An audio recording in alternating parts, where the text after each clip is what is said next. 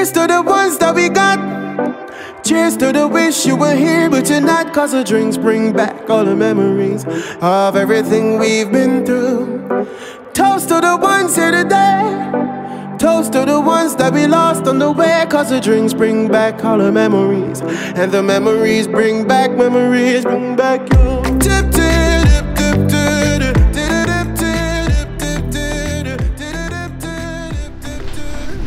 Сайн байна залуучуудаа. Дуу Монгол подкастын дөрөв дэх дугаар та бүхэн хүргэд бэлэн болсон байна. За тэгээд өнөөдрийн подкастын маань аа, сэдвэр нь болохоор их гүрний бодлого колоничлалын талаар юу н яг хав багахан хэмжээнд яриа гэж өөрсдийнхээ хэмжээнд яриаг шийдсэн байгаа тийм. Тийм мэдээж цаг үеийн асуудлаар буюу коронавирус а ковид 19 вирусын талаар а ярилцах. Яа тэгэхээр одоо дэлхийн нийтийн хамгийн халуун сэдв болчиход байгаа. За тэгээд бүх хүмүүс мэдж байгаа л да хятадаас энэ вирус ингээ гараад ингээ явцсан. Гэхдээ хятадууд бол одоо а ер нь бол барьчлаа тий хятад барьцсан гарч байгаа гарал одоо хөө шинэ тохиолдлууд нөр бол багассан. маш бага болсон. Тэгээд нийтдээ яг өнөөдрийн байдлаар бол хятадд бол 80 мянга гарцсан байгаа тохиолдлууд байна. Тэрнийх нь 67 мянган а, covered recovered буюу идэгсэн. Бүрэн идэгсэн гэсэн үг. Тэгэхээр ерөнхийдөө тархалтынх нь бүх юг бол одоо хяналтанд авч чадсан байна. Тий. Тэгээд Аз твд юм байдаг. Яг өнөөдрийн байдлаар бол Европ, Америкт бол одоо ингээд хамгийн гал асч юм дээ. Ялангуяа Италид те. Италид Тэгээ чи манай эдэ болохоор Италид сурж исэн байгаа. Тэгэхээр Италийн ер нь эрүүл мэндийн систем ямар байдیں۔ Одоо яагаад тэнд амар одоо асуудал ингээд үүсээд байна те. Энэ талаар жоохон өөрийнхөө бодлыг хуваалцаач те. Тэгэхээр Италид гэх юм бол бас онцлогтой л дээ эрүүл мэндийн салбар нь яг фармачи фармачи буюу эмийн сан дээр тулгуурсан а яг а, одоо хин хот болгон байдаг одоо Улаанбаатар хотод ихэд өчнөө эмнэлэг вэ штэ тийм биш үсрээл тухайн одоо нэг хотод л нэг 400-аас 500 ортой ч юм уу те тиймэрхүү хэмжээний эмнэлэгтэй а ортой эмнэлэгтэй а тэр нь ямар асуудал үүсгэж өгөхээр нэг тачаалаад дийлэх болцсон байна яг одоо Тийм одоо нөхцөл байдаг Аха. а шууд өндөр настай хүмүүсээ л аль хэдийн Ер нь орхиж байгаа юм шиг байна. А, хин амьд үлдэхүү хэнийг имжлэх үү яг яг дайны үеийн байдлаар эмчнэрийн шийдээ явж байна. Шууд нөгөө кинонд гардаг шүү дээ Тийм. Нөгөө өн- өнгийн тууз олгоод имжлэгдэн имжлэгдэхгүй яг. Яг энэ үднээс үднээс бол яг хөгшчүүлэн бол аль хэдийн хаягдаад эхэлсэн. Өндөр настай хүмүүс наа залуучуудыг бол идэх гэж үзэж байна. Аа тэгээд түрүүн хэлсэн фармачид тулгуурсан буюу эмийн сан дээр тулгуурсан өндөр одоо их дооцтой өндөр үр дүнтэй тим имээр одоо их богино хугацаанд альва өвчнийг игэх зорилттой болохоор тухайн өвчтөн ямар нэгэн одоо а, биеийн өвдлөө гэхэд тухайн дүүргийн эмнэлэг дээр цаг аваад эмчээсээ очиж жор бичиж аваад эмийн сангаас очиж эмээ аваад тэгээд Ер нь гэрээр имжлэх гэрээр имжлэх юу тал тал руу гэсэн те. Тэрнээс бол одоо их манайх шиг эмнэлэгт очоод хий тоногоор Хэвтээд. ийм имжлэгээ бол Европт байхгүй. Европч гэж ер нь бол Итали бол тийм чиглэлээр. Ер нь тэгэхээр Европын улсууд ер нь ихэнх тийм баха. Тэ. Тэгээ Австрид ямар гэж юм бол мэд. Тийм бас яг тийм. Тэгээ би яг нэг айхтар эмнэлгээр явж байгаагүй Италид. Гэхдээ ер нь бол эмийн сан бол дамгаалцсан. Яг дэлгүүр одоо их юм Монголд ямар байдгүй яг тэрэн шиг эмийн сан бол маш их. Тэгээд ороод хүн өндөр үнэтэй юм. Тэгэхдээ нөгөө идэх чадлын үүдхээ одоо их юм тухайн үнийг эрүүл болгох үед их өндөр дооцтой байдаг болохоор заавал эмнэлэг гэсэн одоо их юм шумыг бариад явдаг болсон. Тэгээ өнөөдөр бол Италид бол бүрэн хөл хорой тогтооцсон байна. Бүүл гэр гэртээ. Тэгээ ямар санд үйлсэндээ хүртэл тэгэл балкон дээр гарцсан төрөөл хадуулыг дуулаад зарим Тэр ихтэй гоё хийж одоо гоё дуул чадчихилээ. Яг тэгэхээр Италич өөрөө урлагийн их орн. Тэгээд яах юм? Загварын юу гэх нэг тийм Италич өөртөө амьд тийм кул хүмүүс. Тэдний нөгөө нэг одоо уйда дуулж байгаа дуунууд нь аягүй гоё болоод гэсэн чинь би бас нэг видео үзсэн Германд бас ингээ хөл өрөөнд орсон хүмүүс ингээ дууд уусан ч юусэн ямар ч хаа юугүй. Тэгээ аяас гэх юм уу тийм юм хагдаагүй. Тэгээд ер нь бол миний бодлоор тийм баха. Европын одоо яг Европын холбооны дийл яг одоо голлох байр суурийг эзэлдэг улсууд нь шүү дээ. Франц, Герман, одоо Итали, НАТО-гийн орнууд гэх юм уу да. За тэгэл Швейцар, Австри гэдэг эдгээр бол ер нь яг чиний яг түрүүний хэлсэнчлэн эмийн сан дээр яг тулгуурлаж үйл ажиллагаа нь. Одоо эрүүл мэндийн систем нь өөрөө яг тийм болцсон. Одоо олон ортой эмнэлгүүд байх шаардлагагүй гэж үздэг тийм. Яг мэдээж л эмнэлэг хэвтэх шаардлагатай хүмүүс бол хэвтэн. Гэхдээ ерөнхийдөө одоо юу гэдэг нь уушгины хатгалгаач гэдэг ч юм уу тийм нөхөө овчноос болоод имлэг хөвтөх юм бол ямар ч шанс байхгүй. Үүсэндээ Монгол бид түгээмэл өвчин өөрөө Европт хөгшин Европтод байдгүй. Тэрийг бол аль хэдийн даваа гарсан. Одоо энэ БЦ вирус те одоо халдварт өвчнгүүд байна. Тийм. Иймэрхүү одоо хөө эмчлүүлэх гэж имлэг Тийм. Тэрийг юу нэ ядаад дийлцсэн гэсэн үг үү? Тэрний ард гарцсан. Аа гэхдээ тэрний одоо гарч байгаа одоо сөрөг тал нь юу вэ гэхээр яг ийм гоц халдварын үед буюу одоо нөгөө дэлхийн эрүүл мэндийн байгууллагаас зарлцсан байна шүү дээ. Цар тахал. Цар тахал гэдэг. Тэгэхээр энд цар тахлын үед болохоор яг тэр эрүүл мэндийн салбар, эмийн сан дээр сөрөг салбар нь өөрөө уналтанд орчод байгаа байхгүй. Нэг одоо өвдсөн хүмүүсээ хүлээж авах боломжгүй болчиход энэ дээрээс нь тухайн өвчнийг эдгэх талын эмчнэрийн хөвд боловсон өвчний тал дээр одоо хин дутагдaltaй болсон. Тэгээд хятадаас эрүүл мэндийн баг очиж байна. 3 тонн эм эмнэлгийн хэрэгсэлтэй. Тэгээд Италид байгаа ингээд Азууд Азуудыг бол нэлийн гадуурх тал руугаа олцсон. Яг нөгөө хятадуудын бичиж байгаа комент хитуудын бичиж байгаа үхэн сэтгэлээд ингээ уншихаар үнэхээр хавчлаг дунд байна тий. Бид ингээ харангууд ингээ тэг үзээ үзээ ядсан харцаар харж элдвэр хийлж байна. Бодомжоор явах боломжгүй болж байна тий. Тэгээ бүгд э, европчууд бүгд үзэж байгаа гэхээр энэ бол Азиудын өвчин. Азиуд л одоо юу юм авчирчлаа. Гэж яриад шүү дээ. Яг э, иймэрхүү бас гадуурхацсан гэх юм уу? Иймэрхүү үзэл дараа жоохон расист маягийн үзэл гэх юм уу тий. Энэ хэл чинь явагдаад бас баг Монголд хүртэл түрүүн сая илэрлээ шүү дээ. Францын иргэн одоо коронавирусын анхны тохиолдлыг Монголд авчирсан гэл. За хаста тэгэл сошиал медиагаар зөндөл юм болсон тий. Тэгэхээр яг бас тэрнтэй адилхан байр сууриас хүмүүс хандж байгаа юм болов уу хараад байна л да. Тэгээд яг Франц бол Францын тэр Аревагийн тэр чинь гүц захирал нэг нэг албаныхын захирал байсан. Аха. Тэгээд анх бол бид нар нилээ үзий ядалтай нилээ шүүмжил гэсэн маягтай байсан бол одоо л эсрэгээр монголчууд нөгөө уужууд 50 хүмүүс нэг унтаас сэрхэд яг нэг 3 хоногийн л нэг тийм ер нь эмоц байгаад тах шиг байна. Би бас яг яг нэг Монголын хөл 3 хоног гэдэг шиг те 3 хоногийн эмоц байгаад байгаа хгүй хүн болгонд. Тэгээд яг ямар нэгэн үйл явдал халуун сэдв өрнөлөө 3 хоног өнгөрсний дараа бүх хүн ингэ тайвширцсан гэх юм уу одоо бүхний хандлага амар өөр болсон байгаа. Яг нөгөө эхнээсээ нөгөө нэгдүгээр зэргийн хавтагч нар нь шинжилгээнийх хариу сөрөг гараад эхлэнгууд би тайвширдаг гэсэн. Одоо цуг ирсэн нисэх хонцор ирсэн хүмүүс бүгд бас шинжилгээний сөрөг гарсан байна. Тэгээ харин тий. Тэгээд би зүгээр Италид үнэхээр гамшиг болж ингээд ингээд яг одоо яг ингээд өнөөдрийн байдлаар байгаа энэ статистик мэдээг харах юм бол Италид бол ингээд 24 мянган тохиолдол илэрсэн байгаа тийм. А гэхдээ 24 мянган тохиолдлоос нас орсон тохиолдол нь болохоор 1800 аваа явчихсан. Энэ тоол цаашаа өсгөх нь ойлгомжтой байгаа. А Хятадд болохоор 3200 байгаа. Гэхдээ энэ 80 мянган өвчтнөөс 3200 нас орсон гэсэн юм тохиолдол байна. Тэгэхээр энэ хоёрын л нэг гарсан тохиолдол нас орсон юу хооронд нь харьцуулах юм бол Италид бол маш өндөр байгаа тий. Тэгээд нөгөө нэг энэ настай хүмүүсүүдийг бол бол орхиж байгаа гэсэн мэдээлэлүүд байгаад байгаа. Тэгээд энэ тоо бас айгүй далд тий. Яг бодит тоо бас биш цаашаа нэмэгдэх тодорхой. Гэхдээ нөө хичнээн хүн байгааг бас бид нар тооцоолж мэдэхгүй байгаа. Нас урцсан хүмүүсийг тоолох боломжгүй болчиход. Тодорхойлох боломжгүй болсон. Би энд өвчтэй байна, ингэчлээ. Тэгээ халдвар авцсан юм шиг үнэхээр гэрийн дэглэм цаг гэрээсээ гарч болохгүй бид очно л гэж хэлдэг. Аха. Тэгээ харч. Тийм, тийм хэмжээнд очсон байна. Нас гарцсан тэр хүн нас орсон нас орсон үгүй нь одоо гэх юм нэгсэндээ нас орсон байгааг мэдэх боломжгүй болчихж байгаа байхгүй юу? Эмнэлэг дээр ирсэн бол бодиттой тоо гаргаж болно шүү дээ. Эмнэлгийн эмнэлэгт ирээд за тэдүүн хөлтөл гэрте байгаа хүмүүсийг тодорхойлох боломжгүй болчихсон. Тэгээ яг энэ эрсдлээс сэргийлээд Австри бол миний сурч исэн газар тий. Австри улс болохоор Италитаас хилдэг. Тэгээд Австрид бас хамгийн анхны тохиолдлуудаас Италиас орж ирсэн. Тэгээд хоёр тохиолдол гэж яриад байгаа. Тийм тэр хоёрыг идэгцэн хамгийн ихний орж ирсэн хоёр тохиолдол. А тэгтээ тэр хоёр тохиолдол нь өссөөр аваад өнөөдрийн байдлаар нэг 900 шахацсан байгаа. 859 баг. Хамгийн сүүлийн мэдээгээр. Австрийн бас яг энэ эрүүл мэндийн салбар одоо систем гэх юм уу да тий бас маш төстэй Италийнхта төстэй учраас одоо энэ Италид байгаад учирч учирсан энэ том эрсдлээс сэргийлэхийн тулд одоо айгүй арга хэмжээнүүдийг айгүй эрт авч эхэлж байна л да. Миний бодлоор болохоор Итали улс яг энэ дээр жоохон хойрог хандсан. Одоо сургуулийн карантиныг бол нэлээд хойно хойно тавьсан. хойно тавьсан. Зарим мужууд дээр л тавьсан байна. Тийм. Тэгээд чинь баг 3 4 мянган тохиол гарсны дараа тавьсан. Тэгээ Ламбардия, Эмилиа Романья, Хойд мужууд нь тийм. Байсан, гурван тийм. муж дээр л тавьсан. Тэгээд хитрхи орой тэрэн дээр арга хэмжээ авсан болохоор өнөөдөр ийм хүн байдалд орсон юм шиг байгаа.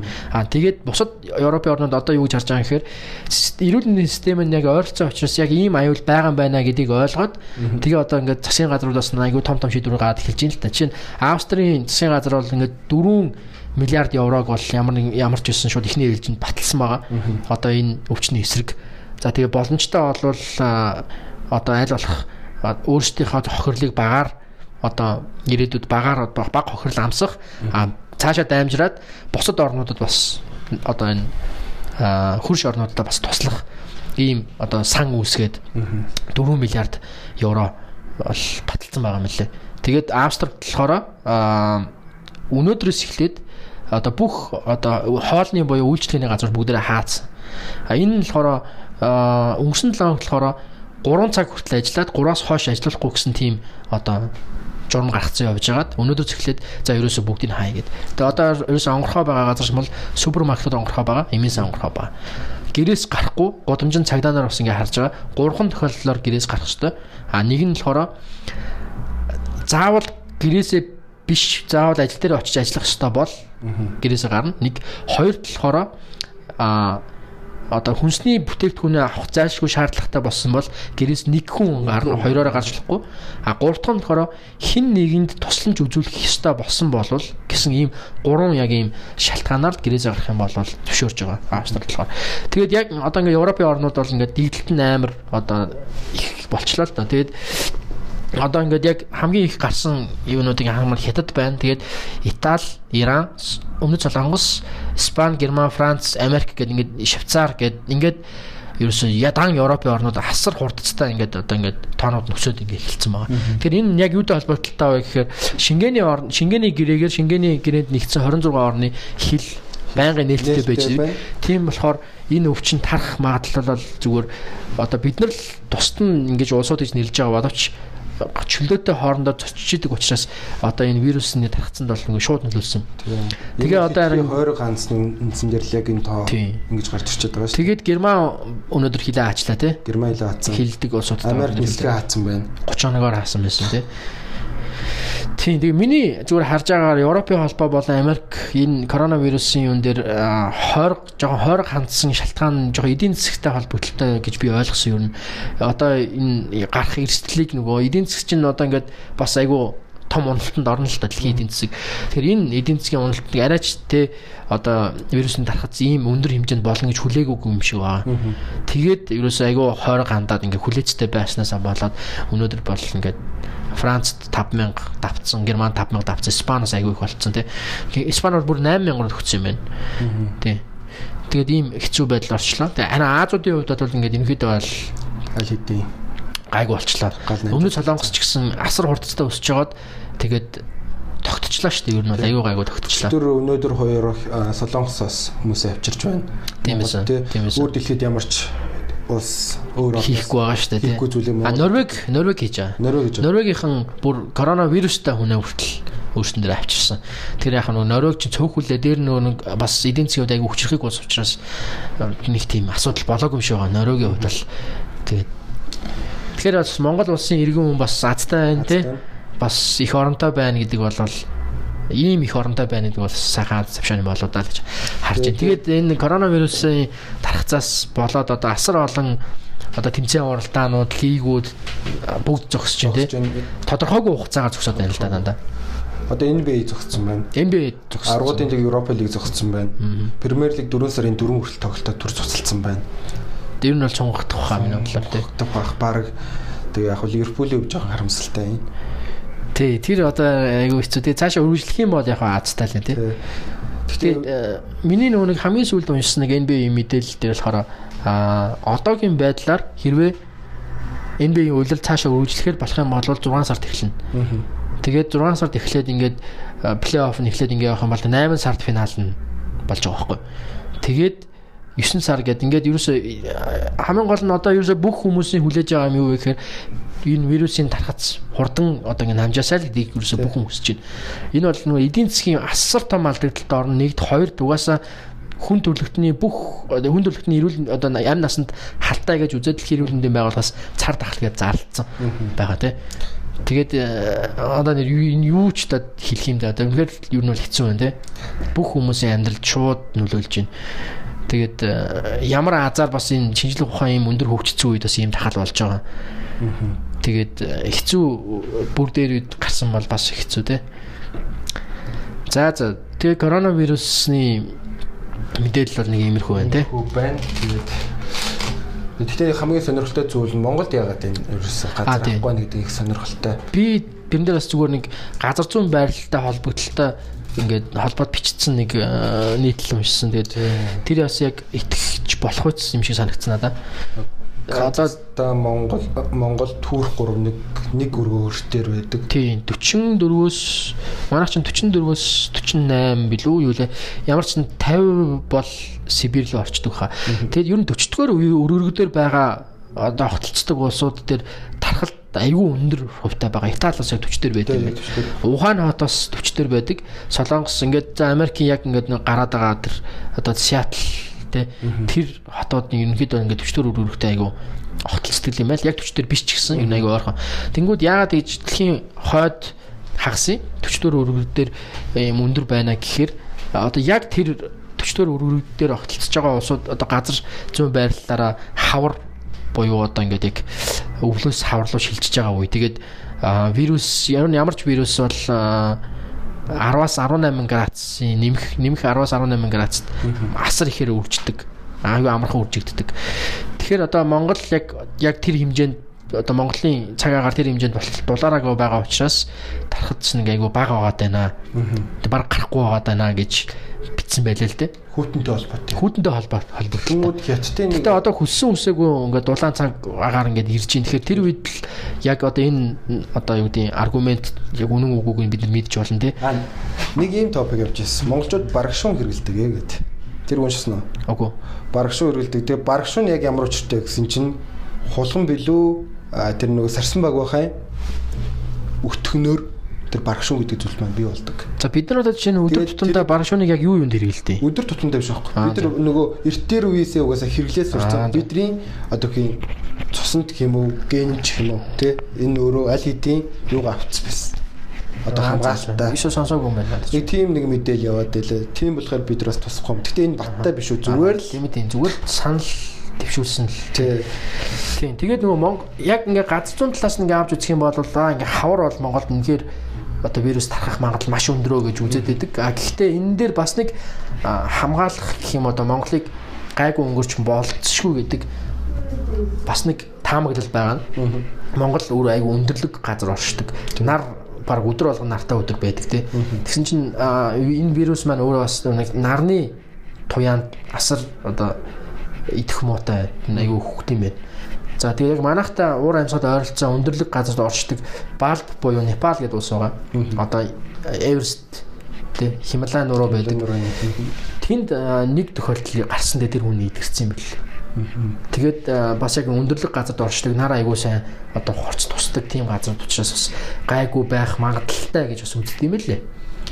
Тэгэхээр одоо юу болох нүг харж лээ. Уул нь бол бас олон хүмүүсийн судалгаа яваар бол нэг 6 сарын нэгэн гэхэд 6 сар гэхэд ер нь бол дэлхийн нийтээр буцаад хэвийн байдалд орно гэсэн тийм зөв найдлага байгаа мэлээ л дээ. Болчоосоо билээ. Тийм тийм л байгаасаа гэж хүсэж чинь тийм. Тэгвэл одоо олимп цэцлэгдэх нь байна.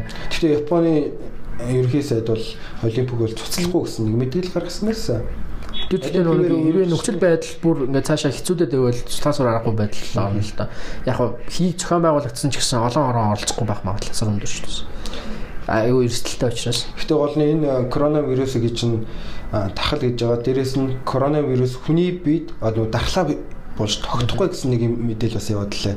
Энэ бол яг нэг өдөр тутмын нэг нэг төхөн амьдралд байгаа нэг ханиад байгаа шүү. Яг ханиад шиг байна. Аха. Дахин дахин гарах боломжтой. Гарах боломжтой. Идэгсэн ахаад тусах боломжтой. Тусаад байна гэсэн шүү дээ. Дахиад тусаж байгаа. Тийм болохоор энэ дээр хүний бие дархлаа маягаар бас тогтоход хугацаа шаардна. Аа. Бас нэг юм мэдээлэл. Яг цаг хугацаа өнгөрөх тусам бас яг коронавирус зориулсан одоо ийм бэлтгэлүүд аяг их гарч эхлэх бохтой. Ямар ч гэсэн парацетамол гэдэг юм бол коронад аягүй одоо юу гэдэг коронад халдвар авсан хүмүүст бол хамгийн их хэрэглэгдэж байгаа юм юм билэ. А эбопорфин болохоор ер нь бол Европод аягүй хэрэглэдэг. Эбопорфиник бол Францын нэг эрдэмтэн бити хэрэглээрэй гэж зөвлөсөн байлаа. Тэр нь болохоор эбопорфин ерөөс тохирохгүй байна гинэ коронавирус дээр. А парацетамол аягүй аспирин парацетамол хоёр бол хамгийн ихний сонголтоор хэрэглэгдэж байгаа. гэж байсан. Тэгээд вирусны тархалтан дээр бол нэр яалтчгүй 10-аас 18 градус бол хамгийн тааламжтай нөхцөл юм байл л дээ. Одоо айр гисдэг.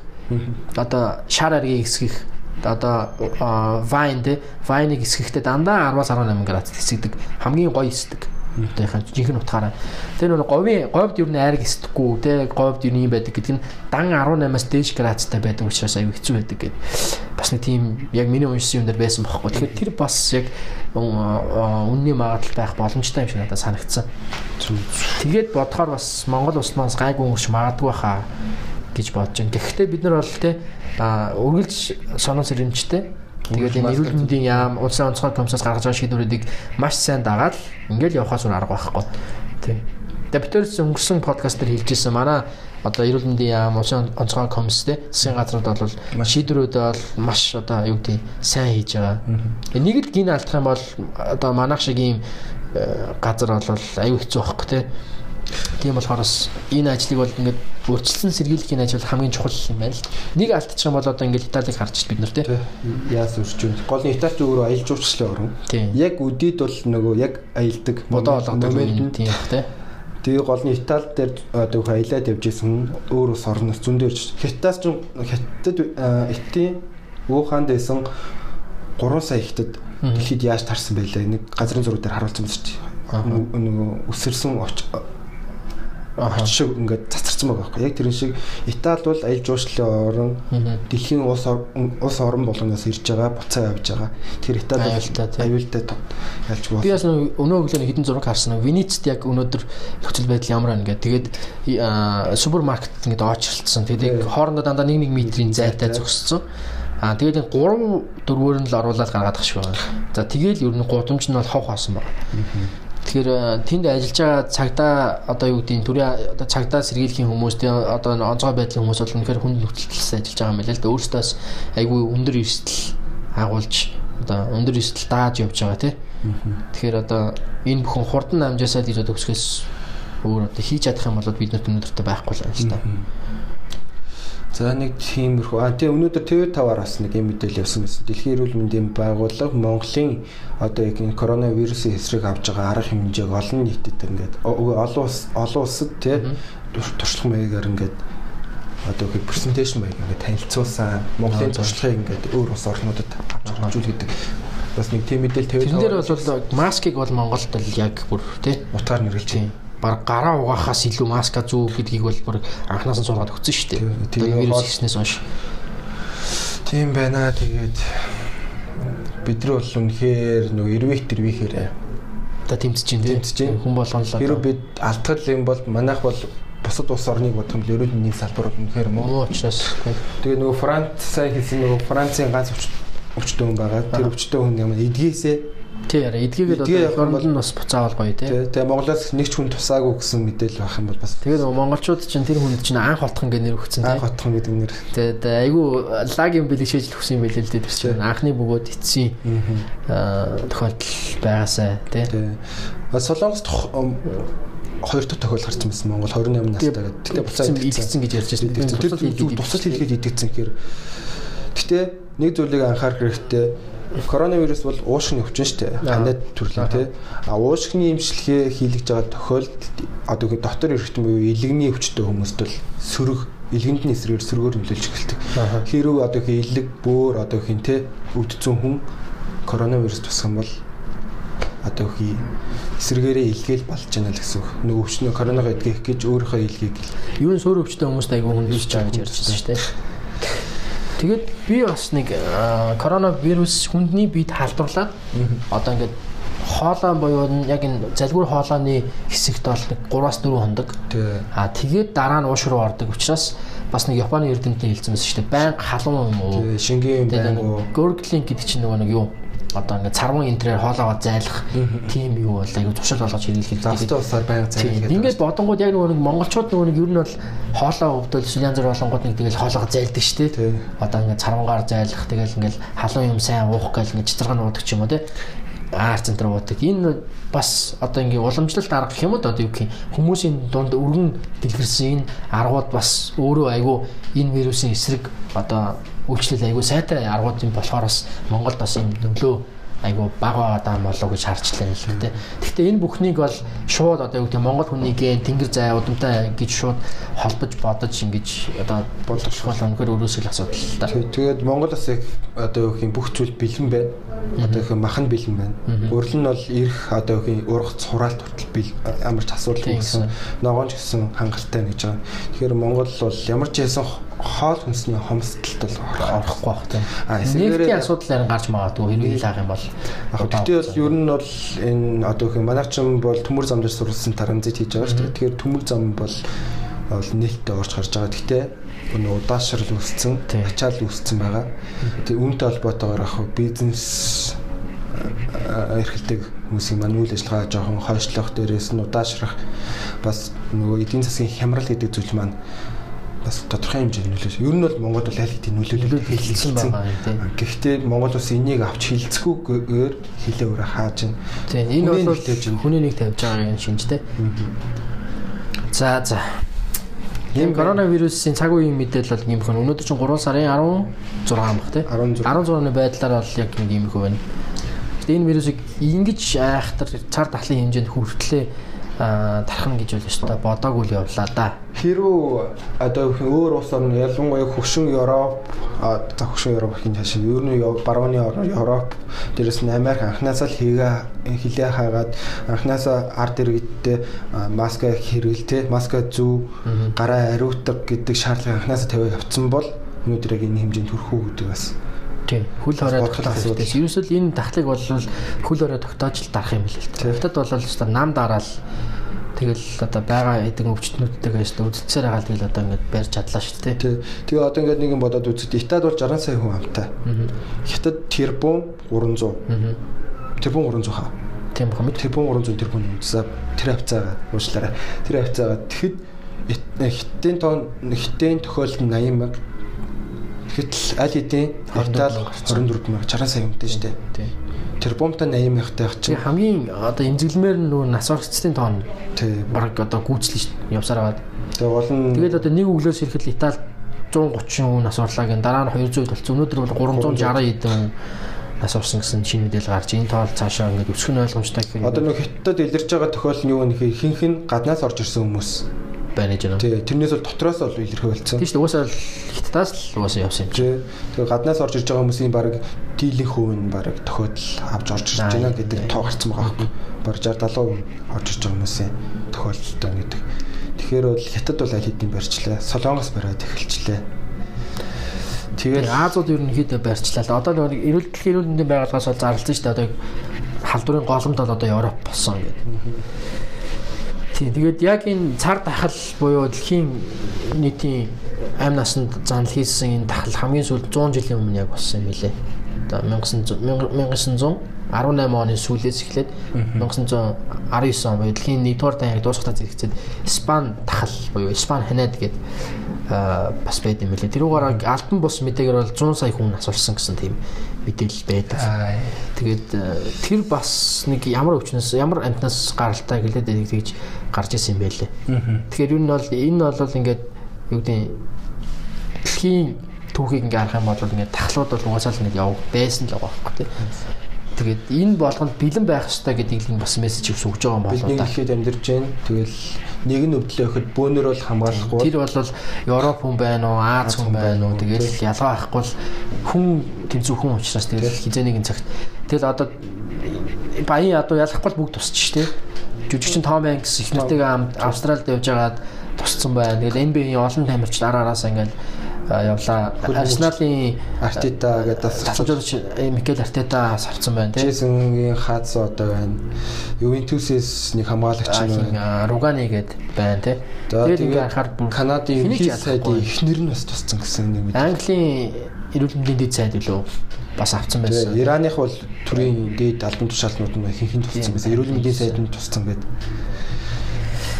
За тэгэл өстэй хэнийг ч ялахгүй л өстэй явж өгч интэй тий. За коронавирус ярихаар тэгээд ялчгүй ярих юм ихтэй бол. Их байна тий. Тэгэхээр одоо халуун сэдвүүл байгаад байна л да. За тэгээд өнөөдрийнхөө гол сэдвүүлээ оръё тий. За тэгээд их гүрний бодлого колоничлал ялангуяа одоо ингээд улс улсууд бие биендээ яаж нөлөөлж ирсэн том улсууд жижиг улсуудад нөлөөлсөн дэлхийн түүх нь яаж явсан гэдэг ингээд харахаар бид нар яалтчгүй а Европын орнуудыг ярахаас өөр аргагүй байдалд орно л тоо тийм. За Америкийг стооцох юм бол Америк бол ингээ Европоос цагаажилж очсон хүмүүсийн байгуулсан улсчуудад туслаа.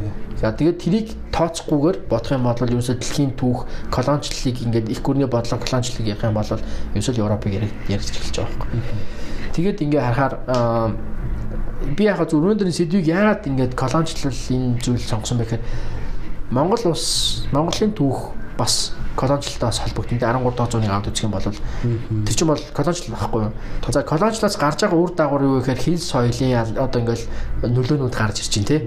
Одоо соёлын солилцоо гэх юм уу та.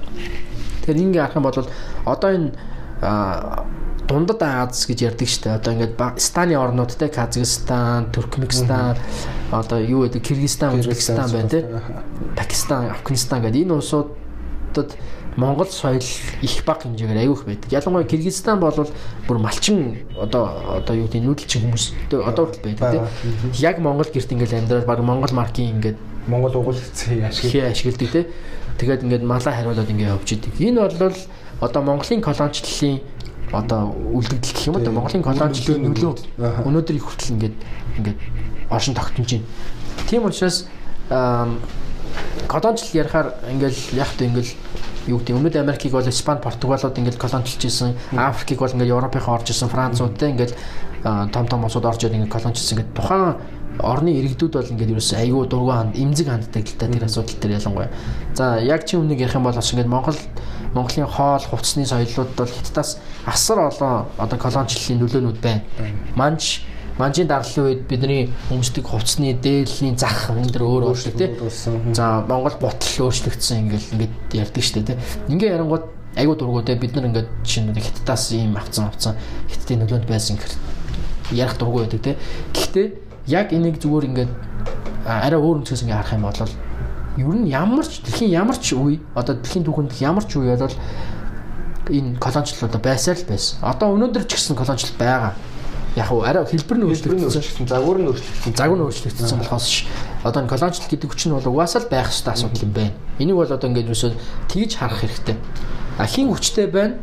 А тэр хүчтэй нэг орн хүчгүй орнуудаа өөртөөхөө нөлөөг тогтоож явдаг. Энэ бол угаасаа л тийм асуудал байсан. Чингис хааныг одоо жишээ нь үзий яддаг зөндөл олон улсууд байгаа шүү дээ. Чингис хааныг одоо Чингис хааны одоо юу гэдэг сүйтгэсэн барьсан хот балгасууд ингээд айгүйх байна лээ. Иракийн Багдадад байдаг асар том номын санг монголчууд очиж шатаасан тий. 100000 номтой номын сангийн шатаасан л гэж ингээд ярьдаг тий. Тэгэл ингээд харах юм бол монголчуудын чийжсэн тийм юм байна. Дараагийн дэлхийн дараагийн одоо үйл явдлуудын ч харах юм харах юм бол Европуудын хийсэн муухай муухай нэг зөндөөш боолчлол байна. Харуудыг Америк төвд аваач боолчилсан тийм.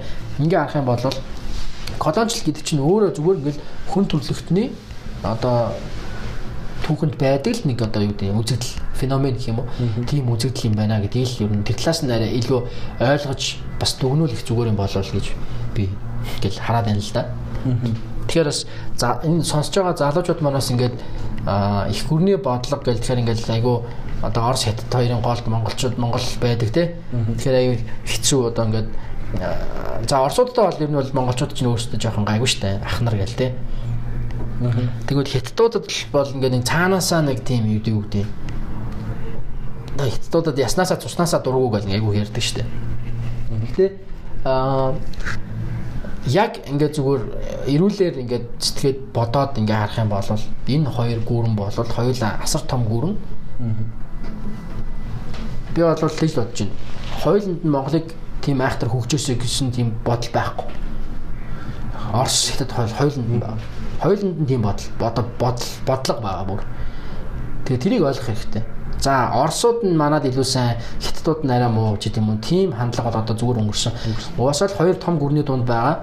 Тэгээ энэ хоёр том гүрний нөлөөгөөр бид нар бас өнөөдөр төрийн шийдвэр гарч гарч байгаа. А тэрнээс бол одоо юу гэдэг аа миний бодлоор бол Монголыг Оросууд эзлээд авах боломж байсан уу байсан.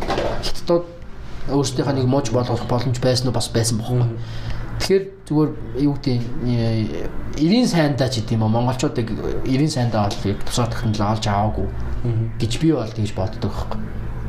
Тэгэхээр энэ бол их гүрний бодлохоор л явагдсан. Зүгээр одоо юу гэдэг энэ хоёрын хооронд энэ том улсуудын хоорондын одоо гэрээгээр Монгол улс тусгай технологи аваад үлдсэн. Одоо өнөөдөр ч гэсэн одоо энэ хөгжихгүй байгаа шалтгаанууд мэдээж байна л да. Одоо ингээ юу гэдэг их хурлын гишүүд нь одоо идж ууж юм те. Төрийн альбомд бол асар олон хүмүүс ингээ л өөр болохаа хэл ахвалдаа автцсан шүүхийн тогтолцоо ингээл янз янз хүмүүсээр ингээл ярьдаг те. Одоо татврын орчин муу юу гэдэг ингээд амар олон шалтгаанууд ингээд нийлээд Монгол улс хөгжихгүй байгаа шалтгаан байна гэдэг ингээд үзэх юм бол тэр дунд бол яалтчгүй энэ их гүрний бодлогод бол Монголыг хөгжүүлэхгүй байгаа шалтгаануудын нэг бол мөн баха. Би бол тэгж харж байгаа байхгүй. Чи тэрийг юу гэж бодож байна юм? Тодорхой хэмжээнд бол нөлөөлж байгаа юу? Мэдээж нөлөөлж байгаа.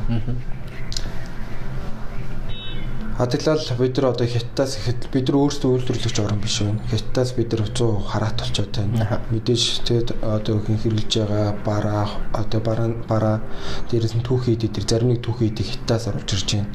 Гэх жишээ нь энэ яг ямар үр дагавар гарч байгаа яг үдээд ямар үр дагавар гарч байгаа бид нар үйлдвэрлэгч биш болохоор нөгөө хэлээр оруулах боломжгүй болонгууд асуудал үүсэж эхэлж байгаа байхгүй эдийн засгийн асуудал эдийн засгийн асуудал а хэрвээ бид үйлдвэрлэгч орон байсан бол өнөөдөр таараа өөр сууж байгаа л да. Яг амсж байгаа хохирлын хэмжээ хамаагүй багасаад явж байгаа юмсан тий.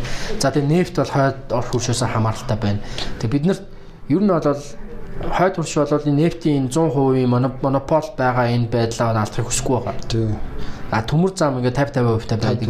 Төмөр замыг ч гэсэн Монголд бариулахыг бол хүсэхгүй л байгаа. Дахиад нэмж бариулах. Энэ хоёр улсад нэр байхгүй байгаа тоххой. Хоёулаа энэ хяналтаа бол Монгол дээр байлгахыг хүсэж байгаа байхгүй. Тий.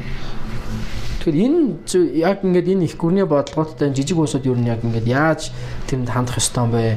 Ингээ бодохоор зөв суралцах ёстой юм шиг байна. Одоо ингээд Солонгосыг харж ийн, Японыг харж ийн дайны дараа хоёулаа л үнээр хэцүү байдалд байсан тийм Япон бол бүр бөмбөгдүүлээл бүр амар болцсон. За Солонгос бол хоёрдугаар дайны дараа хойд Солонгостойгоо өөрсдөө дайнаа хийгээд бүр асар хүнд байдалд ороод ингээд ядуугийн туйл тийм хоол ундгүй үзүүлэнгийн байдалтай байсан. Гэхдээ мэдээж энэ их гүрний бодлогод орж ирсэн Америктэй ингээд тэгтээ энэ улсууд яг юун дээр зүг ажилласан бэхээр үйлдвэрлэлийн одоо үйлдвэрлэж чадж байгаа тэр бүх одоо ноу хавыг нь өөрсдийнхөө оронд шингээж чадсан. Машин бол машин хийж чадсан Тэгэл ингээд бүх юм үйлдвэрлэдэг болцсон байхгүй юу? Нөгөө Монголд жижиг дунд үйлдвэрлэл ерөөсө хөгжөөгүй. Одоо бид нар ганц үйлдвэрлэж байгаа зүйл гэх юм бол газрын баялаг байна. Тэрийг бол түүхийгээр нурагшаа гаргадаг. Тийм. Махаж гаргаж чадахгүй. Махаж гаргаж чадахгүй. Ер нь бол. Тийм. Яг тийм асуудал байна. Тэгээд одоо жишээлбэл мах гаргаад одоо Австрали руу худалдаа гэхэр чим тэрийн шууд бүгдийн нисгэж байх газраар тээвэрлэе гэхэр ялчгүй гектар дамжин. Тийм Тэгэхээр төмөр зам эрэхтэй төмөр замын асуудал босч байна. Нүүрсээ одоо их боловсруулад өөр 30 улс орн руу тээвэрлэе гэхээр өөр улс орны одоо төмөр замыг ашиглах. За энэ дээр бол ерөнхийдөө Батулга бол хойшоо Орос дээр Оросд очиод гэрээ байгуулж ирсэн шүү дээ. Хойшоогоо төмөр одоо хин далайн Оросын төмөр замыг ашиглаад далайн бомбдоос цаашаа 30 чорн руу тээвэрлэх. Гэж ярьж байгаа. Тэгэхээр тэрийг яг нөгөө бүтсэн хойно нь яг одоо боллоо гэж бодохгүй бас айгу асуудалтай тийм. Яг нааштай юм да. Тэгээд одоо сая л хэд юу аж штэ. Газ одоо нөгөө хий байгалийн байгалийн хийг байгалийн хийг монголоор дамжуулахгүй дамжуулахгүй өнгөрүүлнэ гэсэн одоо монголоор дамжуулах гэж. Тэр нь бол монгол бол асар. Гэтэ дамжихаар яг болсон юм уу тэр? Тэр нь бол дамжихаар болох одоо энэ үгийг судлаа гэсэн хариу өгсөн гэж би ойлгосон бохоо. Гэхдээ ер нь бол ер нь тэр чинь ажил хэргийн төвшөнд яригадаад байгаа юм шиг монголоор дамжих юм бол Монгол бол асар их давуу тал бий болно. Нэгт э, гэр хороолт маань шууд одоо их хийгээр холбогдоод дулаан дээрээс нь цахилгааны асуудлаа шийдэж явах. Тийм. Гэхдээ тэр байгалийн хийн хоолой Хятад Оросын хоол болсон байгалийн хийн хоолой төсөл бол хэдийн бүр Уг нь болсон бохгүй. Монголын хилийг тойроод тэгээд тэр нэгэнд ингээд яваад эхэлсэн байгаа ажлыг бас дундаас нь зогсоогоод өөр монголоор дамжуулаад ингээд явна гэсэн төсөл тийм миний бодлоор бол яг бүтсэн ч тийм ойрын хугацаанд хурдан бүтэх боломж өнөхөр байхгүй хаа. Тэгээ яг миний харсан их сурвалжийн мэдээгээр болохоор Путин бол яг одоо юу гэдэг нь за Монголоор дайруулъя гэдгийг бол тохиролцоогүй. Аа энэ одоо шинэ төсөлтөө энэ төсөл дээр ямар ямар одоо боломж байна гэдгийг ингээ судалж үзье. Ямар ч байсан энэ дээр ажлын хэсэг байгуулад тэрийг тэрний араас ингээ хөөцөлт яа гэсэн л тийм одоо мессежийг л өгсөн юм шиг байл. Миний харж байгаагаар бол. Тэгэхээр яг хуу эргээд нөгөө колоничлалынхаа асуудалд ингээ ороход те ингээд яг өнөөдрийн байдлыг ингээ харах юм бол хоёр хөрштөөгөө одоо ингээд хоёулантай нь ингээд зөв одоо гадаад харилцаа нь айгүй зөв байж ижил энэ бүхэн Монгол улс ингээ цаашаа хөгжих гээд байна л да. Хин нэгнийх нь тусламжгүйгээр бор зүрхээр энэ бүхний хийх ямар ч боломжгүй байхгүй. Тэгэхээр бас яг одоо төрний хэлдэг шиг Батулга ерөнхийлөгч ингээд одоо хаан хийх гээд ингээ гаргаж байгаа энэ санаа санаачлах нь өөрөө алсандаа бол яг айгүй зөв байгаад байна л да тийм. Тэгэхээр яг энэ бүхэн хамгийн гол нь зүгээр яриа болоод өнгөрөх бити өнгөрчөөсөө тий. Ажил хэрэг яг болоод одоо ингээд зөвхөн нэг чиглэлийн төмөр зам байхгүй өчнөө олны одоо аймгийн төвүүдийг холбосон одоо машин замыг барьсан байхад төмөр замыг ингээд барьсан байх юм бол дид бүтцэн ингээд өөрөө ингээд аюу гой тарж өгөн те аюу гой болж өгөх байхгүй. Тэгээд хоёр хөршгөөсөө өөрөө хараат байна гэдэг маань өөрөө бас колониал колониалын баг нэг хэлбэр болчиход байгаа байхгүй. Бид гаргаж байгаа шийдвэрээ болгон шийдвэр болгоно хоёр хөрш маань яах вэ гэдэг тал дээр үргэлж бодно. Тэгээд бензиний үнний одоо хэлбэлцлийг бол яг үүндээ засгийн газраас шууд хариуцлага нэх гэдэг аюу хэцүү. Бид нар өөртөө яг түүхийд бол бид олборлдог байхгүй нөө тамсгийн тамсгийн тачин тамсыг болоо тачин тамсагч илүү. Тийм үл бид олборлоод байгаа шүү дээ. А гэхдээ үйлдвэрлэдэггүй энтхийн хөрөнгө оруулалтаар бид нефтийн нефт үйлдвэрлэх юм. Одоо юу юм те нефтийн үйлдвэр барих гэж байна. Тэр бол аюу сайхан юм дээ те хэрэг тэгэх юм бол яг дотоодоос хангаад эхлэх юм бол бид нийт энэ угаасаа бензин дизелийн энэ угаасаа. Тэг яг 100% дотоодын хэрэгцээг хангах хүртэл бол нэлээд олон жилийн хугацаа байна л да. Гэтэ тодорхой хэмжээнд бас ингээд одоо хангаад эхлэх хэрэгтэй тий 20 30% сайн бол бүр 50% ингээ хангадаг болчих юм бол асуудал одоо ингээд арай өөрөөр одоо болох юм болоо да. Ер нь ингээ зүгээр улс орныг айл гэртээ ингээ зүүрлэх юм бол а зүгээр айлаас юм худалдаж авдаг биш. Тэр худалдаж ав одоо яг ингээд айлаар ингээд харах юм бол Монгол улс хувцсныхаа одоо даавууг айлд өгөөд хүнээр хувц аюулаа тэрийг эргээд айгу үнэтэй болгож аваад байгаа хөөхгүй нэмөртөг шиг гэсэн. Тэгэхээр яг адилхан технологиг нь оруулж ирдэг ч юм уу яг тэр хийж болоод байгаа юмыг бид нар өөрсдөө хийгээд сурчих юм бол ингээд цаашаа Монгол улсын ингээд хөгжил ингээд айгу хурдан хүсэлттэй хөгжих боломж айгу өндөр шиг хайдаад байна. Тэгээд жишээлбэл манай ихэнх голууд хойшоо Орос руу цутгадаг байгаа. Байгаль нуурлал. Нэг л гол урш байгаа шүү дээ. Ангийн гол гэдэг тэр чинь урш орж зүг рүү. Тэгээд нөгөө усан цэглэхээ станц барь ихээр орсуудаас хаалт тавьдаг. Харин тийм л. Шууд эдийн засаг дээр ч юм уу те дээгүүрээс болж өгдөг усан цэглэх станц барь. Усан цэглэх станц барьснаар бид нар ямар давуу талтай байх нь бидний дотоодынхаа цэглэханы их усрыг тодорхой хэмжээгээр нэмнэ. Хоёрд усны их усрыг хатгална. Гэтэл Оросоос энийг хорилж идэг. Иймэрхүү асуудлууд байна. Тэгэхээр бид нар яалчгүй гаргаж байгаа шийдвэр болгон байна. Хоёр улсын хөршийн хараанд яалчгүй байгаад энэ нь өөрөө колоничлалын нэг хэлбэр. Гэхдээ яг 100 колоничлогдсон гэж хэлээгүй шүү. Яг бид нар яг шийдвэр болгоо маань өөрөө 100 хоёулаа ярьж ирсэн нэг колоничлалын хэлбэр 21 дугаар зуунд угаасаа өөр болцсон. Тэгээ хэлбэр нь өөрчлөгдсөн. Яг л тэр хэлбэрээ яваад. Тэрнээс бол яг тодорхой хэмжээнд Монголд бол байгаад байгаа байхгүй юм чи. Ийм л байна. Тэгээ яг хоо зөвхөн өнөөдөр чинь Монгол төр ч байгаад байгаа юм биш л дээ. Дэлхийн өөр жижиг одоо яг хөгжлийн хувьд маахт ойролцоо авч байгаа бүх улсуудад л яг энэ одоо адилхан энэ жишээнүүд явж байна л та тийм. Жишээлбэл одоо Солонгос одоо кинонд харах Солонгос амныг өгөхөд Америкаас хараад байдаг шиг л байхгүй яг тий. Тийм. Засаг төрийн үйл ажиллагаа цэргийн үйл ажиллагаа нь бүгд. Тийм. Гэхдээ харьцангуй э, Солонгос шал өөр төвшөнд очсон. Солонгос хөгжил нь өөр. Тэгэхээр бас нэг арай өөрөөр Монголтой харьцуулахад аюу шал өөр төвшөнд очсон байгаа бас л тийм. Тэгэл дайны дараа хэдхэн жилийн дараа 88 он гэхэд л олимп хүлээж авах хэмжээнд төвчсөн л байгаа. Хэрвээ бид одоо одоо далайн бомбтой тий ус маань өөрөө далаатай хилдэг байсан бол бас арай өөр төвшөнд байл байхаар гэсэн баг. Тийм би наадан дээр ийм бодсон. Яагаад Монгол улс маань ингээд энэ газар нутгаар ингээд үлдсэн болоо. Жооноосоо боддог бол далаад гарчгүй. Далаад гарцсан. За тэгэл газар тариалал эрхлэх боломж нь асар бага. За эрхлэлээ гэхэд нөгөө нэг ургац алдах магадлал ингээд аюу өндөр те. Гам Өөрсдөө болно, одоо ингээд аюу хэцүү. Тэгээд ингээд бодохоор яг энэ Монголын а, одоо өнөөдөр оршин тогтнож байгаа энэ газар зүйн байрлал дээр том орнууд нэг шунаагүй юм шүү. Харин ч эсрэгээр баялаг нь байгаад байгаа юм шүү. Яг баялаг тэр бол тэр үед чинь бол нэг баялаг тодорхойлол айхтар нэг баялагын араас хөөцөлдөг байсан үе биш шүү дээ 20 дугаар зууны их үе бол. Тэгэхээр би бол тийч хаад байдیں۔ Биний хувьд бол тэгж бод энэ соци үед бид үйлдвэрүүд алдсан хамгийн буруу. Тэ руу ороод уу? арчлуу шилжихэд бид бүх үйлдвэрүүдээ өөртөө тоосон, худалдсан. Тэ Тэг үйлдвэрүүдээ нураасан. би сая- саяхан нэг 10 минутын 1984 оны Улаанбаатар хотын баримт киног гарч байна. Тэгээд тэрийг үзсэн тэр тэр үеийн монголчуудын амьдрал яха мэдээж өнөөдөртэй харьцуулалтгүй бүх юм бараа таваар хоосон аюу хэцүү лангуу мангуу хоосон л байсан л байгаа юм л да. Гэхдээ тэрэн дээр гарч байгаа юм болон дээр бүх оо гутал мотл бүх юмаа үйлдвэрлэж байгаа хэрэг монголч. Өөрсдөө дотоод хэрэгцээ бүгдийг хангадаг байсан гэж байгаа байхгүй. Тэгэхээр ингээ боловсролын систем нь хүртэл өөрөө тэр үйлдвэрлэгч одоо орны одоо системийг ингээ хоорондоо ингээ холбоод өгцсөн. Тэ. За тэгэл хүн болгон заавал одоо мэл. болохгүй.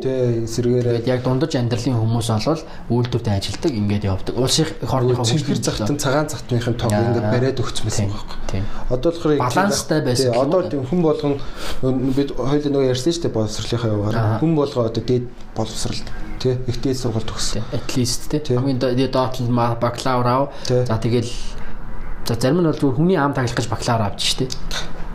Тэгэл ингээ харахаар бол э, дээр юм боловсролын асуудал гарна. Тэгээд аа колоничлалын юм дээр ингээ харахад манад бол ингээд Орос Хятад хоёрын одоо колоничлалын нөлөө ингээ байна тий. Сайн хоёлаа яллаа.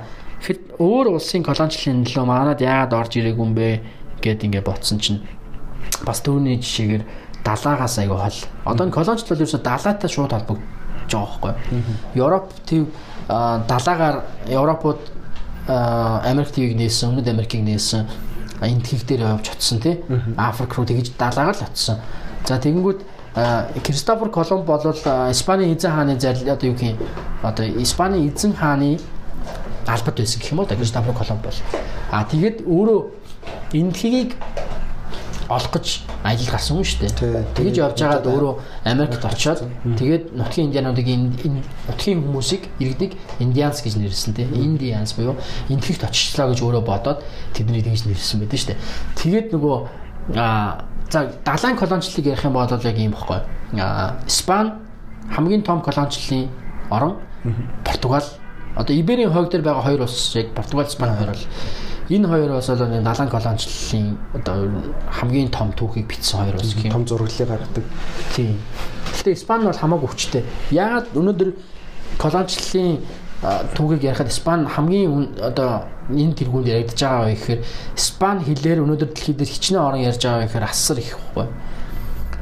За Испани ярьж байна.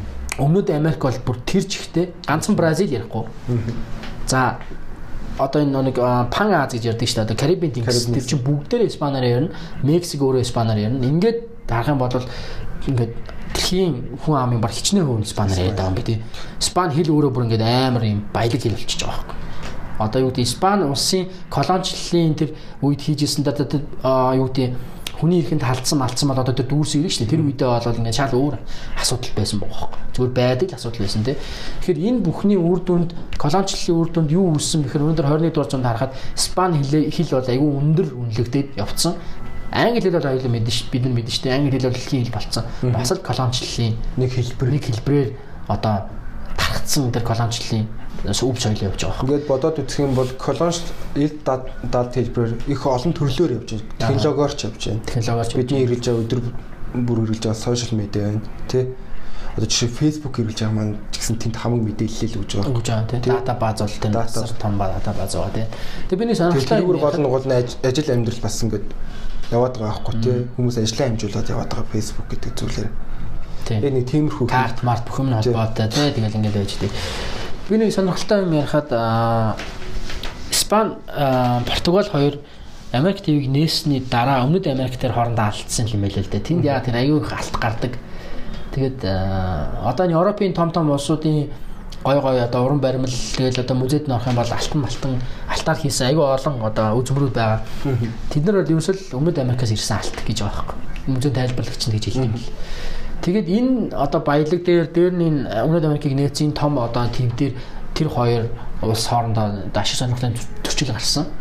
А тэгтээ хоёулаа загалмайт нь шашинтай байсан буюу Ватикан төвтэй папын одоо юу гэх шашны талаасаа тэр папын удирдлагын доор байсан учраас хоорондоо дайтахад бэлэн болцсон. Испани Португал хоёрыг хөрш орон бүр ингээд дайтахад бэлэн болцсон байхад Роми Паплам Испани Португал хоёрын хоёр хааныг нь суулгаж агаад дэлхийн газрын зургийг ингэж тавьж агаад зураас татаад. За тэр зураас нэг хаагур өнгөрсөн бэхээр Өмнөд Америкийн одоо ингээд нэг жоохон Өмнөд Америкийн уршаа нэг юм ийшээ нэг төвийцсэн нэг юм одоо хүний хамар шиг нэг юм байдаг шүү дээ. Яг тэр хамарны урдуур ингэж дайраад за энэ талыг нь буюу зүүн талыг нь буюу одоо өмнө ихэнх хэсгийг нь Испани баг хэсгийг нь болохоор Португалд хөхөр одоо юу гэх инхийн гэрээ гэх юм одоо эвлэрүүлэн зуучлах юм хийсэн байгаа байхгүй. Тэгээд яг тэр цаг мөчөөс хоош угаасаа тэгээд хоорондоо датагүйгээр яг одоо далайн одоо Аз талдаа орнуудыг нь болохоор Португалд өгөөд Америк ТV-г нь болохоор ерөнхийдөө ингээд Спанд өгсөн. Тэнгүүд яг одоо тэр зураасыг татж байгаа өнөөдөр харангууд тэр зурааснаас зүүн тийшээ буюу Спанд өгсөн талд нь тэр чигтээ Испанаар ярьж байгаа. Тэгээ яг Бразилиад татагддаг байхгүй тэр зураас нь. Ганцхан Бразил ордог. Тэгвэл Бразил ганцаархан өнөөдөр Португалаар яриад байгаа байхгүй Португалаар. Тэгэхээр нөгөө яг тэр нөгөө Роми Папи хуваасан хуваагдтал чинь л одоо тэр хүмүүс тэр одоо өмнөд Америкт байсан хүмүүсийн ирээдүйн хөлийг нь л ингээд ерөөсө шийтсэн тийм одоо юу гэх юм том амар том шийдвэр болсон байгаа байхгүй. За тэгээд Португал улс одоо энэ энтхийг болон одоо энэ Малайз энэ шүү дээ ингээд одоо энтхийг дадаад байдаг бахан арлаад байгаа шүү дээ. Энэ улсуудад яагаад одоо нөлөөллөө тэгж өндөр нөгөө нэг тогтоож чадаагүй одоо хилэн мэлэн ч гэсэн тийм одоо ерөөсө хиллээр нь ярих хэмжээнд хүрээ колоничлж чадаагүй вэ гэхээр дэндүү хол байсан юм л. Дэндүү далаагаар яваа. Далаагаар бүр тойрж явна те. Африк ТV-ийн урдуур тойрж явна. А эсвэл Константинопол гэдэг нөгөө нэг одоогийн Истанбул хот тэрүүгээр дайрж айгүй хэцүү замаар явж иж тэр Аз тэв рүү ингэж очиж исэн учраас тэр өөрөөсөө айгүй хэцүүсэн юм бэл. Тэгээд Английн эзэнт гүрний колоничлал тэгэл дараа нь яригдах байх л та. Тэгээд Английн эзэнт гүрний колоничлал чинь бүр дээд зэгтээ тулсан шүү дээ. Тэгээд бол байна. Тэгээ Австралч одоо хамгийн том хамгийн том жишээ. Тэгээ Африк айгүй олон орнуудаас англиар ярьдаг. Тэгээ Нигер байна. За Өмнөд Америкийн бүгдийн улс ч юм болохоор юу юм бэ лээ. Тэгээ Нидерланд интерес колоничлал болж исэн юм шиг үлээ. За тэгээ энтриг байна. Англи ярих юм бол тэгээ Хонконг ч Хонконг ч бас Английн 100 жилийн гэрэмэрээр байсан шүү дээ. Тэгээд амаршинт Англи эзэнт гүрэнд нар жагдаггүй гэх тийм үг гарцсан. Яг дэлхийн хаас айгүйгээр ингээд нөгөө өөрийнхөө колоничлалыг ингээд бэхжүүлсэн байсан болохоор тийм үг хүртэл гарч исэн юм бэл. Тэгэхээр их гүрний бодлого том улсууд бол үеийн үед жижиг улсууд руугаа нөлөөгөө тогтоодог байхын дарамтлагдаг гэх юм да тийм жоохон бааздаг тий. Тэр бол угаасаа л байдаг асуудал юм байна гэдгийг одоо манайхан маа жоохон ойлгоцуулах зүгээр юм болоо гэж бодоод байна л. Одоо ч гэсэн тэр нь өөр өөр хэлбэр байгаад байна. Хувьсаад байгаа байхгүй. Тийм. Тэгээ soft power гэдэг нөгөө нэг зөөлөн хүчний бодлого гэдэг нэг амар улс төр судлалын профессор тэр soft power гэдэг онлыг гаргасан шүү дээ. Тэгээд тэрэн дээр чинь солонгосын K-pop борсгол солонгосын соёлын товтлогоог жишээ авсан байгаа байхгүй. Тэгэхээр солонгос өнөөдөр жишээ нь Америкаас ингээд хараад зарим юмараа хараад байгаа ч гэсэн солонгосын энэ K-pop борсон соёл энэ солонгос драма тий энэ цуврал кинонууд одоо ингээд Parasite гэж гарсан энэ болгон чинь өөрөө соёлын колоничлалыг дэлхийд дээр ингээд бүрдүүлчихэж байгаа. Гэтэ тэр нь болохоор юм хатуу бодлогоор ш зөөлөн зөөлөн зүгээр ингээ баг багаар одоо юу гэдэг соёлт нь нэвтэрдэг гэх юм да. Одоо юу гэдэг солонгос кино үзэл тэр кинон дээр гарч байгаа хүмүүсийн үс засалт хувцлалтад юу эдийн те тэр болгоо ингээл амар ингээд нөлөөлж шít. За энэ нь эргээгээд солонгос улсад юугаараа ингээд яаж юм гэхээр одоо солонгосын энэ одоо урлаг соёлынхан дэлхийн нийтэд бол ингээд шууд төлөм шүргэл явж байгаа байхгүй. Тэгэхээр энэ бас нөгөө нэг түрүүн яг хэлсэн чиг колончлоод нэг өөр хэлбэр рүүгээ орцсон гэдэг чинь бүр ингээд урлаг соёл руу хүртэл орцсон тийм. За entertainment талыг нь ярих юм бол Америкийн Hollywood байна тийм. Америк бол entertainment дараа дэлхийг колончилж тийм. Одоо ингээд юу гэдэг нь Apple байна, Facebook байна, Microsoft байна. Ингээд яг ингээд техник технологийн төвчлэр бас дэлхийг колончилж чадаад байгаа хэрэг тийм. Хятад болохоор мөнгөөр ч гэдэм юм. Хятад эд бараагаар тий. Гэхдээ хятад сүлд бол одоо одоо юу штэ Джек Магийн Alibaba байна. Alibaba одоо Amazon-той өрсөлдөхүйц хэмжээнд бас болохын төлөө л юу нь яваад байгаа штэ. Аа. Яг Amazon бол яг баруун Европ тал руугаа ер нь бол нилээн Amazon ч сая 12 сард л тэрбум долларын үнэлгээд авсан компани тий. Alibaba бол яг ижлэхэн чиглэлээр явж байгаа шүү дээ. Ер нь бол гэтээ нөгөө нэг өрсөлдөх юм болохоор үн те. Тийм. Тэрээр өрсөлддөг те. Тэгээ яагаад өрсөлдөг гэхээр нөгөө татваргүй бараа. Нэгсэн донд Amazon-оос юм зах юм бол хятад үйлдвэрлэсэн юмыг Европт авчиад Европоос буцаагаад одоо Аз руу зарахад ингээд нэмэн үртэг шингээд ингээд явахаар өндөр үнээр Alibaba бол тухайн үйлдвэрлэгч орноос шууд очдог. Өөр ус оронд явуулдаг болохоор өндөр дамжин өнгөрөх хэмтэн байдаг. Юу байхгүй гэсэн тийм а стейшнуд байхгүй учраас шууд Яванда ер нь бол нэлээд томрох байх.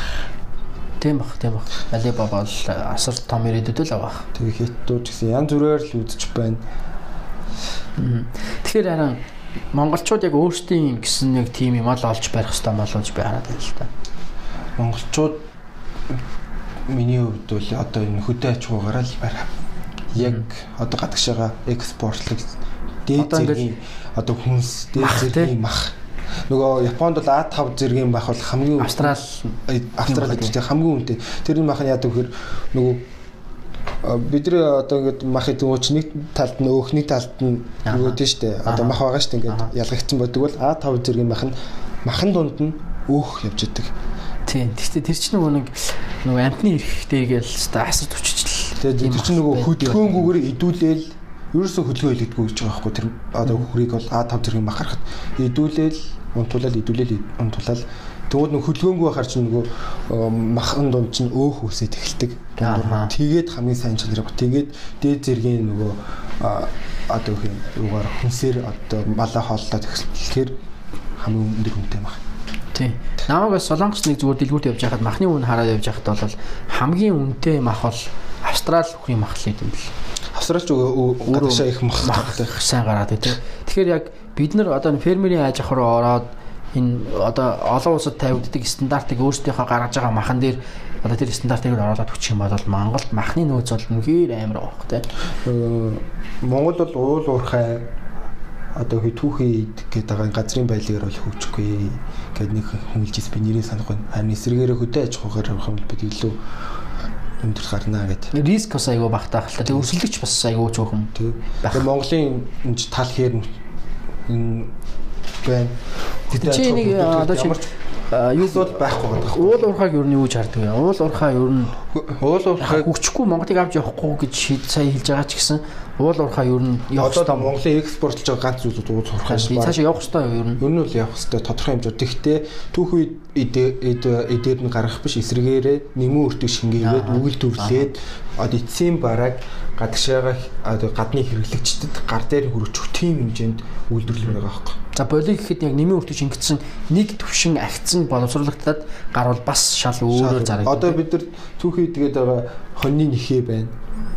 Одоо л зүгээр л хогийн цэг дээр шүү дээ. Гэтэл эсрэгээр хятад тэрийг хилээд одоо угаагаа цэвэрлээд тэгээ зараад аа. Зарангууд зүгээр ингээд шалан дээр тавьж байгаа одоо юу хин нэг хьюс маягаар ингээд ашиглахад л янз юм байгаа байхгүй тэр чинь. Янз юм үнэр та нар байхгүй болцоо. Аха.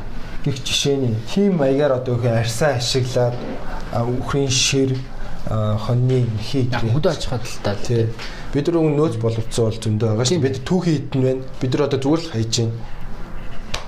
Одоо монголчууд бүр цаван болцоо. Одоо их малынхаа дотор гид сэтрийг шууд хайдаг хайдаг болсон малааны талаар хоёрын цэвэр рүү явдаг гэх жишээний зүйлс байна л да ер нь бол За тэгээд өнөөдрийн хувьд бол яг ингээд их гүрний том том бодлогууд те колончлалын дундуур ер нь Монгол улс цааштай яг ямар байвал зүгээр юм болоо гэсэн зүгээр өөрсдийнхөө санааг төвшүүлсэн л тийм өнөөдрийн дугаараа л ийм л байла те. За одоо нөгөө Монгол улс жоо 20 50 гэсэн нэг чиглэл явах гээд байгаа шүү дээ. Эдийн засгийн Эдийн засгийн одоо баримтч гэх юм уу одоо суур бодлого гэх юм уу одоо тийм Тэрэн дээрээ одоо хөдөө аж ахуйг ч юм уу эсвэл уул уурхай минь яг ямар чиглэлээр явах вэ? Хэдийн хэмжээнд барих юм тий 2050 он гэхэд хөдөө аж ахуйг ямар хөө чиглэл хэмжээнд очсон байх юм гэдгийг экспортны хэдэн өвн хөдөө аж ахуй хэдэн өвн уул уурхай дамгаалсан. Тэрний талаар хоёулаа нэг бүр дугаар гаргасан дээр баха яг зөвхөн тэрэн зориулаа тий. яг чиглэл нь гараад ирэнгүүтийг харж байгаа. Одоо хаврын жолооноор орох хэрэгтэй шүү дээ тий. Энэ бүгдийг харж байгаа нэг ярьсан дээр баха. Аха. За тэгээд бит хоёрын подкастыг бас үргэлжлүүлэн сонсож байгаа сонсогчдоо бас баярлалаа гэж хэлье те. За би бас сүүлд нэг подкастынхаа мэдээг харахад Солонгосоос, Японоос аа за нэг нь хаанаас байлаа. Ямар ч байсан айгүй олон гадаадын орнуудаас бас сонсоод эхэлсэн байсан. Тэгээд бас таалагдж байгаа сайн сонсоорой. Цааш нь бас олон найзуудтай түгээгээрээ те. Тэгээ бид хоёртой үргэлж хамт байгаараа шүүмжлэхэд чинь бас бид хоёроос бэлэн сонсоход бэлэн байна те. Дуу Монгол гэдэг нэг пэйж нээсэн байгаа. Тэгээд одоохондоо бол ямар нэгэн пост хийх байгаа. Гэтэ шууд хамаагүй мессежээр ч хамаагүй тий. DM хийгээд Тэгээ ер нь яваа явандаа подкастынхаа хэлбэрийг бас Facebook руу, YouTube руу оруулъя гэсэн бодолтой байгаа тий. За тэгээд дараа дараагийн дугаарууд дээр өлөө өшөө илүү олон сонирхолтой сэдвүүдээр олон сонирхолтой мэдээнүүдээр юм уулзтлаа. Түр баяртай. За баяртай залгасан. Just killed a man. I put a gun against his head. Pulled my trigger, now he's dead. Mama, life is just.